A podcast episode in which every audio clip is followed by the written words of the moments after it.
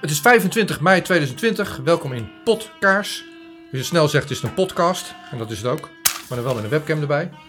Mijn gast is Robert Valentine van de Libertaire Partij. Dit is de podcast. Dit is echt een kaars. Zie je hem ook? In een, in een pot. Gesprekken bij kaarslicht. En dan denk je, oh jee, romantisch. Nou, dat was niet de bedoeling. Maar de bedoeling was gesprekken vol hoop. En een klein vlammetje kan, als het goed is, als mensen een beetje meer eh, dat aansteken, een eh, groot vuur worden. Dat is het plan. Welkom. Dank. Ik heb je uitgenodigd, want jij je bent van de Libertaire Partij. En je wil misschien wel meedoen met de Tweede Kamerverkiezingen van 2021. Ja, klopt. Eerste vraag, ga je meedoen? De partij of ikzelf? Allebei? Eh, oh, eh, twijfel je over met welke partij je mee zou doen dan? Nee, nee, maar ik, ik bedoel, ik ben natuurlijk, ik heb eigenlijk een beetje een rare dubbelrol. Ja? En ik ben voorzitter van de LP, dus ik, ik, nou, ik leid die partij. Maar de vraag wie het politiek leiderschap gaat op zich gaat nemen in 2021, dat is- een andere vraag. Ja. Ehm, ik eh, ben sterk voornemens om wel mee te doen zelf ook. eh, en nu met de voorbereiding bezig, dus als dat allemaal goed gaat, dan... Ja, eh, Maar jullie moeten nog een lijsttrekker kiezen. Ja. Jij hebt meegedaan en je was lijsttrekker in eh, de Tweede Kamerverkiezingen van 2017. Ja. Nou, oké, ik ga ook kritische dingen vragen, vragen en zeggen.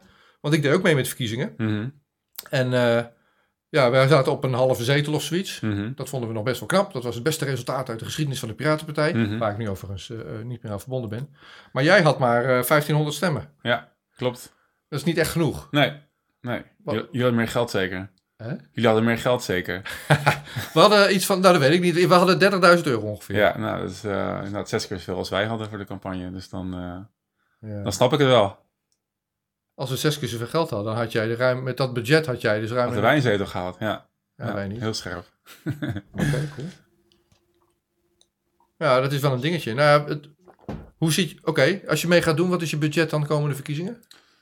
Ehm, nou ja, het is- ik heb een keer analyse gemaakt van hoeveel partijen uitgeven aan een Tweede Kamerzetel. En als je alle partijen op een hoop goo- gooit, in ieder geval in 2000, volgens mij was het 12 toen, of 17, ik weet niet meer. Ehm, maar dan kom je ongeveer uit op 70.000 euro gemiddeld per zetel.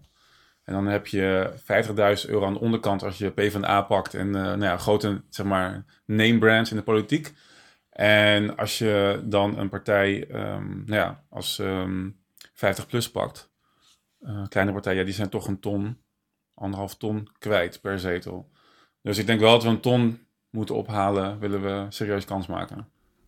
Oké, ga je dat... Ga, hoe, eh, ja, zeg maar, gaat het lukken? Dat, nou ja, daar, daar werken we hard aan. Ik, eh, ik, ik denk het wel. Ik, heb, natuurlijk- ik doe dit sinds 2013.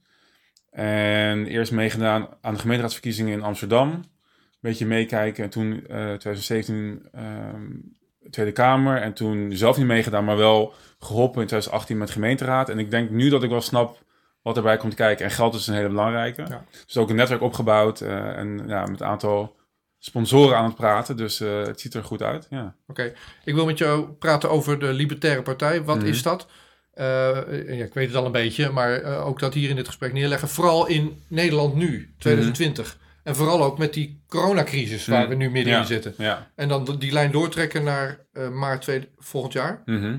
Wat eh, minister Binnenlandse Zaken Kajsa Allon recent ook gedaan heeft. Mhm. Zij zegt, nou misschien moeten we dat maar uitstellen, die verkiezingen. Mhm. Of moeten we via de post stemmen. Ja.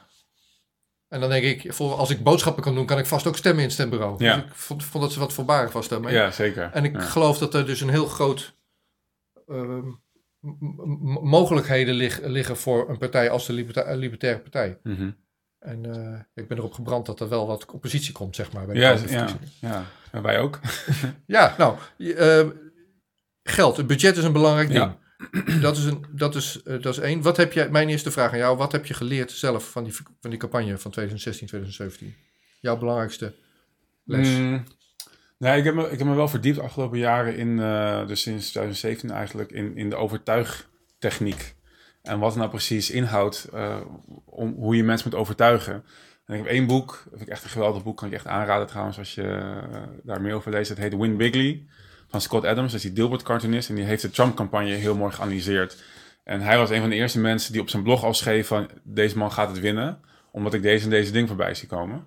En de ondertitel van het boek is ehm, Persuasion in a World Where Facts Don't Matter. En dat merk ik heel erg. Waar, de, waar de LP, want dat vind ik ook mooi in de partij, is echt een partij van filosofen. Uh, het gedachtegoed is heel goed uitgewerkt, wordt heel veel van nagedacht. De, de lezers zijn heel erg belezen. Uh, ze kunnen hele mooie lezingen houden over, maar overtuigen is iets anders. En wat de LP altijd, altijd deed, want ik zelf ook ben gaan doen, merkte ik, um, is heel gedetailleerd en genuanceerd, zeg maar, alles proberen te vertellen. En ik, ik toen ik begon hiermee, toen... Uh, ja, en totaal doodslaan dan, zeg ja, maar. precies. Want wat ik in het begin deed, dat zeg maar, in 2017 daarvoor, toen ik net begon met politiek, was ik nog redelijk ongenuanceerd, meer vanuit gedachten. En toen kreeg ik dus heel veel kritiek. Toen ben ik dacht van, oké, ik moet het meer gaan onderbouwen. De kritiek is niet goed. Dat is wat ik in mijn hoofd uh, had gehaald. Maar wat je merkt is dat de tractie op je Facebook-post en, en Twitter-account, zeg maar, dat gaat heel erg naar beneden als je alles uit hebt gekaald. Want er is niks op of aan te merken. En geen interactie betekent dat mensen het niet zien. Dus, dus, er gaat een hele wereld achter schuil. En Trump is ook iemand die dat heel goed uh, beseft. Even los van wat je van zijn politieke inhoud vindt. Maar hij begrijpt, zeg maar, iets in de juiste richting, een stellige stelling innemen in de juiste richting en dan niet uitwerken, is heel krachtig. En ik ben ook afgelopen tijd, ook nu helemaal met corona, ben ik heel erg tegen lockdown aan het ageren. En juist daar ook uh, um, probeer juist korte en bondige verhalen te houden. Ja, dat is echt, dat is echt key. De, de tractie is nog nooit zo groot geweest op mijn Facebook. Ja. Oké, okay. wat is het verschil tussen liberalen en libertariërs? Er zou geen verschil mogen zijn. Oké. Okay. Uh, op parlement.com staat over liberalen. Het leidend beginsel van de liberalen in de 19e eeuw was dat de staat zich zoveel mogelijk moest onthouden van ingrijpen in het economische en maatschappelijke leven. De VVD noemt zichzelf liberaal. Ja. Er is nog nooit zo ingegrepen in het economisch en maatschappelijk leven als nu door Rutte. Ja. Hij heeft het verdienvermogen van iedereen uitgezet. Je, Ja. mag, je mag niet je geld verdienen. Ja. En de hele maatschappij huh, en, en de geestelijke gezondheid van heel veel mensen stuk gemaakt. Mhm. En misschien wel onherstelbaar. Mhm. Oké, dat zie ik wel ruimte voor de Libertarische Partij. Ja, zeker. Ja. ja, wat dat betreft denk ik van laat maar doorgaan eigenlijk de lockdown. Eh, ik merk steeds meer dat mensen... Ja, eh, politiek opportunisme. ja, maar, zeker. 100%. Ja. ja, maar dus vanuit een liberaal standpunt, of libertair standpunt, dat is dan ongeveer hetzelfde, Mhm.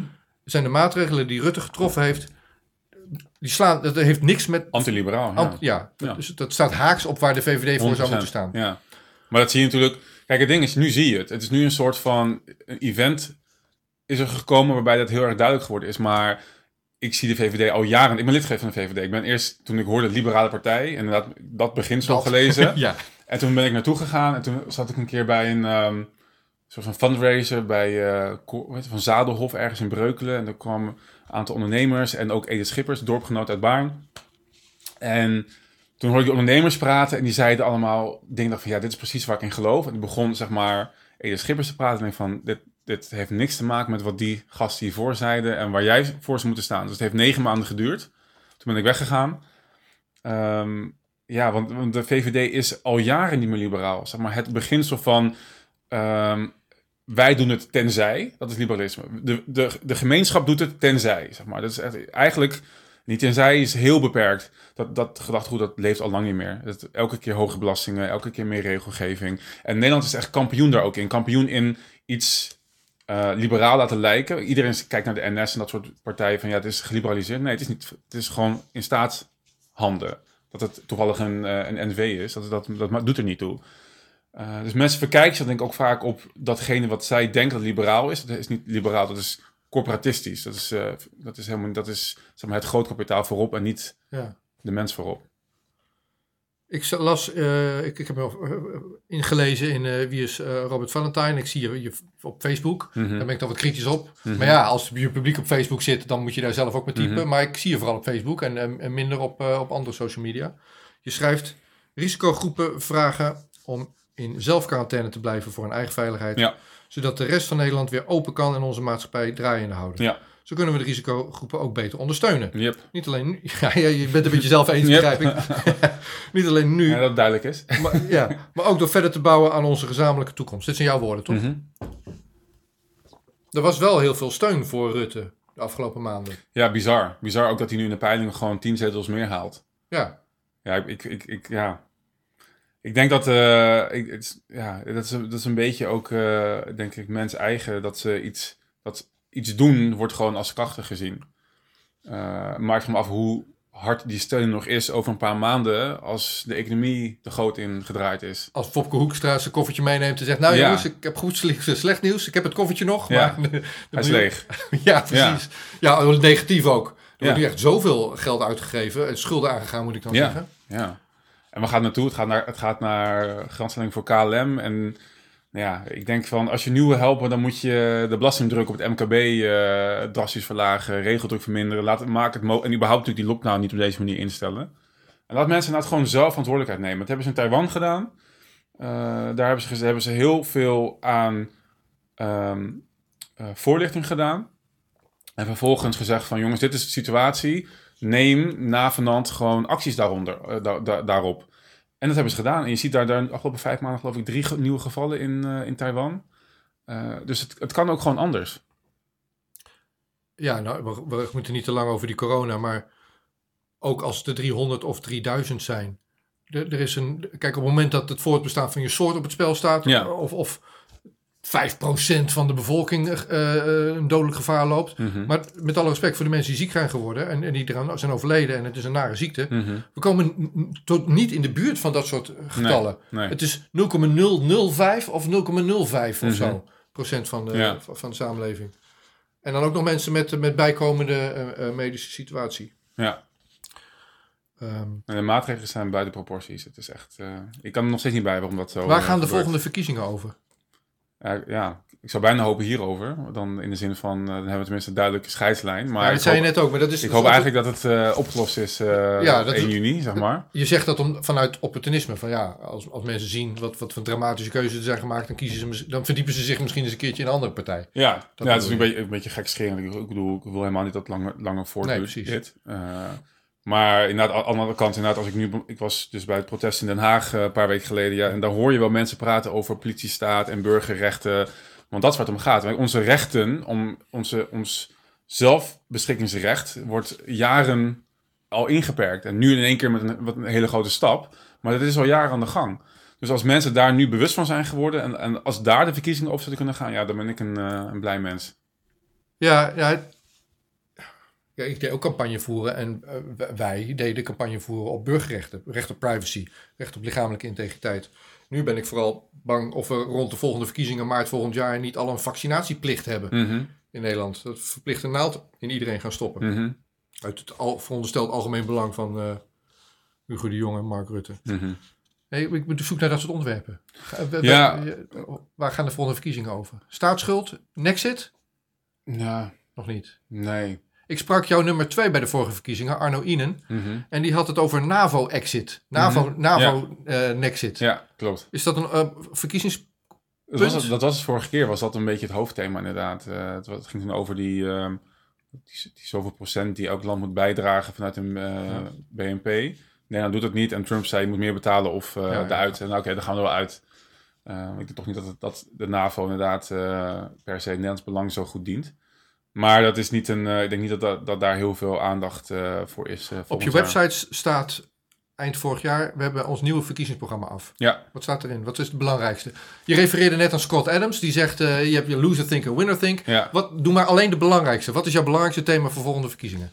Eh belangrijkste thema, ja, wij zijn natuurlijk altijd een partij die eh, eh, ehm, voor laagbelastingen zijn. Dat is natuurlijk altijd het, het hoofdpunt. Een, wat nieuw is, is, wat we, ehm, is dat we ook alle huidige hulp, zorgtoeslagen en alle zaken, zeg maar, al die rompstoppen op één hoop willen go- gooien en een, eh, een vorm van basisinkomen eigenlijk willen, willen voorstaan. Eh, omdat het gewoon makkelijker is, minder eh, bureaucratie. Het is weet je, één lo- loket naar de burger toe. Dat, dat is denk ik een, een, een, een hele belangrijke. En dan vervolgens naar het gewoon... ehm, eh, dus dat via een negatieve inkomstenbelasting van Milton Friedman. Dus verdien je onder 40.000 euro, dan krijg je geld, negatieve belasting. En, daarboven dan betaal je een beetje een vlak tax, zeg maar. Dat is een beetje waar we naartoe willen gaan. Dat, Ja, basisinkomen, ehm, ik denk dat, wel, dat zijn denk ik de belangrijkste. Ja, ja, ik wil natuurlijk. De reden dat ik hier journalist zit uithang is Mhm. ook een, een zekere frustratie dat ik die, die, die grondrechten eh, eh, met het badwater zie weggegooid worden. Ja, Zijn jullie, hoe, hoe zitten jullie daarin dan? Lichamelijke integriteit, recht op privacy, non-discriminatie. Ja, ja dat, is, dat is... Vinden we dat wel belangrijk? Of, uh... ja, wij vinden het wel belangrijk, maar ik heb gemerkt dat niemand anders dat belangrijk vindt. Dus ik kan daar wel een campagnepunt van maken, ja. maar dan, als je dan het resultaat van de jaren daarvoor haalt, dan schiet je niet zoveel meer op. Dus als het nu, uh, ik, ik, hoop dus dat het wel zo is, als, als het, dat deze situatie nu inderdaad dat mensen er heel erg bewust van worden. Uh, maar ik heb er nog een beetje een hard hoofd in. Ja. Nou ja, ik ben, daar ben ik wel, wel iets hoopvoller in. Nou, mm. Wel goed, de tijd zal het leren. We, mm -hmm. Ik ga je volgen trouwens. Ik ga die alle partijen die mee gaan doen, ga ik, zijn hier uitgenodigd. Alle grote gevestigde partijen zijn uitgenodigd, nieuwe partijen ook. Kom langs. Um, en, en nou, jij bent een van de eerste die hier nu is. Um, wat heeft het publiek gezien van de Libertaire Partij na de verkiezingen van 2017? Um, voornaamste denk ik sowieso 2018, natuurlijk een jaar later waren het gemeenteraadsverkiezingen. Uh, toen hebben drie gemeentes meegedaan en ook het beste resultaat ooit behaald uh, uh, voor de partij. Drie keer een, een halve zetel. nou, dat is hiervoor nog niet doorgekomen. Ik denk toch ook wel door de manier van campagne voeren, anders kijken naar, naar politiek, dat dit zo gelukt is. Nieuw bestuur. de bestuur zit er nog steeds, dat is ook wel fijn dat we al een, beetje, al een tijdje een compleet team hebben. Um, ja, en verder zijn we vooral heel erg actief, zoals deze tijd nodig is, op social media. En aan het kijken nu naar wat wordt nu. Uh, want de echte campagne begint denk ik een half jaar van tevoren. Dan moet je echt zeg maar dingen gaan uh, aanzwengelen. Nu maar even afwachten hoe dat eruit gaat zien met, in de huidige tijd. Maar dan zou je dus de straat op moeten, dus met events aan de slag moeten gaan. We zijn nog aan het kijken naar een, een vrijheidsmars tegen deze lockdown. Of, dat, of dat van de grond kunnen krijgen in Den Haag. Ik, ik, bedoel, ik vraag het ook. Het is een kritische vraag. Die, ja. die komt dan nu. Dus mm -hmm. ik zet hem even klaar. Ik heb er niet zoveel van gezien. Nee. En een van de leermomenten, een van de dingen die ik meegenomen heb uit campagnevoeren 2017, is dat je buiten verkiezingstijd je moet laten zien dat je relevant bent. Op binnen verkiezingstijd daar het vertrouwen van de stemmer in te krijgen. Hoe ben jij, hoe is Libertaris, Libertaire Partij, moet ik zeggen, mm -hmm. uh, heeft hij laten zien relevant te zijn sinds 2017? Ja, ik, weet niet, ik ben niet helemaal met je eens, denk ik, dat het, dat het, het is goed als het ook van tevoren gebeurt. Als je kijkt naar bijvoorbeeld een, uh, een Denk, een Forum in enige mate, dat is niet langer dan, dan een jaar van tevoren gebeurd. Denk nog korter, denk ik. Want Forum had natuurlijk de wind mee met uh, het referendum en dat heeft hen in de spotlight gezet. Dus we zijn ook aan het kijken naar, kunnen we inderdaad, dat referenda kunnen we niet meer organiseren helaas. Het heeft uh, zo ook al de nek omgedraaid. Maar misschien een burgerinitiatief waarbij je in de Kamer een standpunt kan verkondigen, wellicht over, over burgerrechten. Um, um, zoiets van de grond, grond krijgen. We hebben, we hebben events gehad in, in Amsterdam met Arno Wellens um, over de huizenmarktcrisis, wat natuurlijk in Amsterdam ook een heel groot thema is. En Arno is ook aan het kijken, want hij is ook heel erg van... is Arno Wellens van de Libertaire Partij? Nee, maar hij is wel klassiek liberaal. Oh ja, en, uh, oh ja dat was hetzelfde, en, uh, zei je net. Dat is hetzelfde, In inderdaad. Uh, ja. en dus, dus draagt ons wel een warm, warm hart toe, inderdaad, ja. ja. Dus achter de schermen praten we wel over. Nou, als je achter de schermen met Arno Wellens, die is nogal kritisch op wat er gebeurt in de Europese Unie nu, ja. en met name met de bankensteun. Ja, precis, ja. Is dat een, wordt dat een campagne-thema, denk je? Nou ja, we hebben dus met hem een uh, initiatief gestart. Misschien nog goed om daar aandacht te geven nu. Uh, uh, barstmaar.eu. Dus we hebben inderdaad okay. een burgerinitiatief gestart. Waar we handtekeningen willen ophalen um, om de steun die Europa eigenlijk heeft toegezegd bij de volgende crisis, zeg maar, dat te stoppen. Want het gaat gewoon weer hetzelfde gebeuren als in 2007, 2008. En we zijn weer voornemens om die banken te gaan redden als het misgaat. Uh, en zoals je, als je Arno volgt, dan zie je dat het weer gaat gebeuren. Ja. Uh, dus wellicht dat dat inderdaad, als dat gebeurt voor de verkiezingen, is dat natuurlijk een, een heel mooi thema om vast te grijpen. Geen belastinggeld naar die banken. Ja. Je, je refereerde net aan um, basisinkomen. Mm -hmm. De kritiek op basisinkomen is, uh, ja, het zijn stokpaardjes. Hè? Je, als je mm -hmm. discussie hebt over basisinkomen, dan moet je altijd, vind ik dan, als eerste zeggen: Oké, okay, waar hebben we het precies over? Ja, dan? precies. Want wat, wat is voor jou een basisinkomen? Juist. En als je dan over hetzelfde hebt, kan je het gesprek ja. verder voeren. Ja. Want de kritiek die als eerste daarop ge ge gegeven wordt, is, is onbetaalbaar, is te duur. Ja. Maar dan heb je het nog niet over gehad, over wat voor variant nee, dan. En jij zegt negatieve uh, belasting. Met andere Ja. woorden, ben je onder het bestaansminimum, dan krijg je van de fiscus geld terug Ja. met, met een staffel. Tot Ja. totdat je op een bepaald uh, inkomenniveau zit, dan betaal je geen belasting. En daarboven ga je wel weer belasting Juist. betalen. Dat is wat je zegt. Ja. En eigenlijk zeg je daarmee, we geven niet extra geld aan mensen. Nee. We, we eh, eh, herinrichten wat we nu al doen. Ja, Zonder dat idioot grote uitvoeringsapparaat. juist. Ja. En daarmee maak je, en ik zit een beetje campagne voor je te voeren. Want ik vind, dit is precies, ja, dit is precies het, het- het- zoals ik ook basisinkomen zou invoeren. Want daarmee geef je mensen een, een veilig gevoel. Ja, Want er is niks zo on... Alle ZZP'ers die nu hun werk kwijt zijn, die voelen zich on- onveilig en hebben geen, eh, hebben ja, misschien eventjes steun, maar ja, je hebt geen sociaal vangnet, nauwelijks een sociaal vangnet. Iedereen is onveilig. Iedereen Mhm. voelt zich onveilig. En dan heb je kinderen, dan ga ik, dan ga ik even renten. Maar dan heb je dus kinderbijslag gehad. En dan zit je in die toeslagenaffaire. Heb je niks fout gedaan? Mhm. Heb je de fiscus achter je aan en je, en je weet niet waar je tegen moet Ja. verdedigen. Als je al dat kan afschaffen en zeggen we werken gewoon met negatieve belasting. Ja. Totdat je naar positieve belasting gaat, dan is het, eh, kost het net zoveel als om uit te voeren.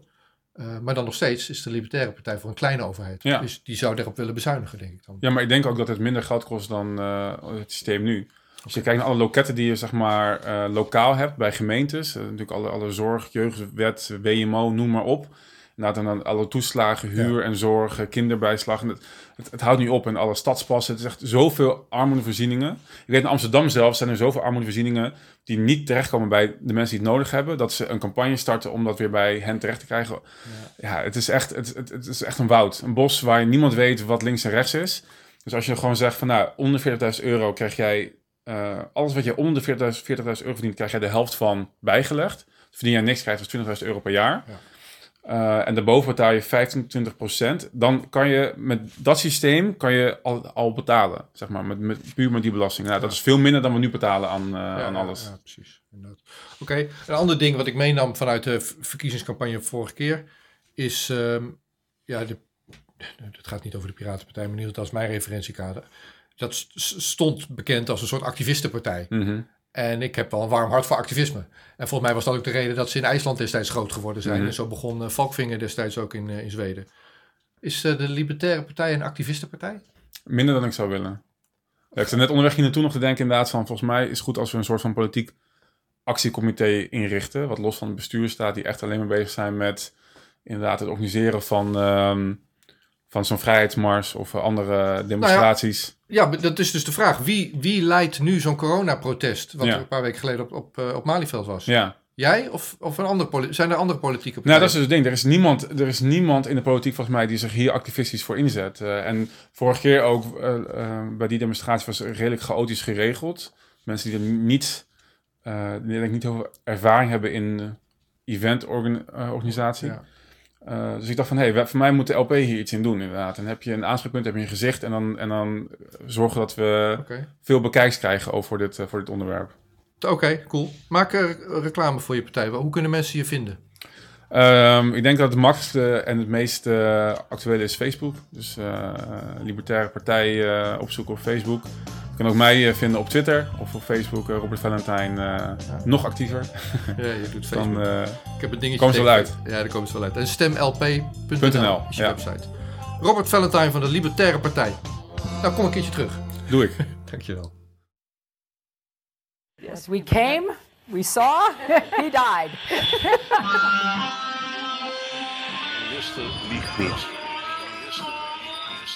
Every nation in every region now has a decision to make. Decision to make. Decision to make. You think I'm joking? Predator drones. You will never see it coming. Laat staan dat ik eh, kan ingaan over vuur.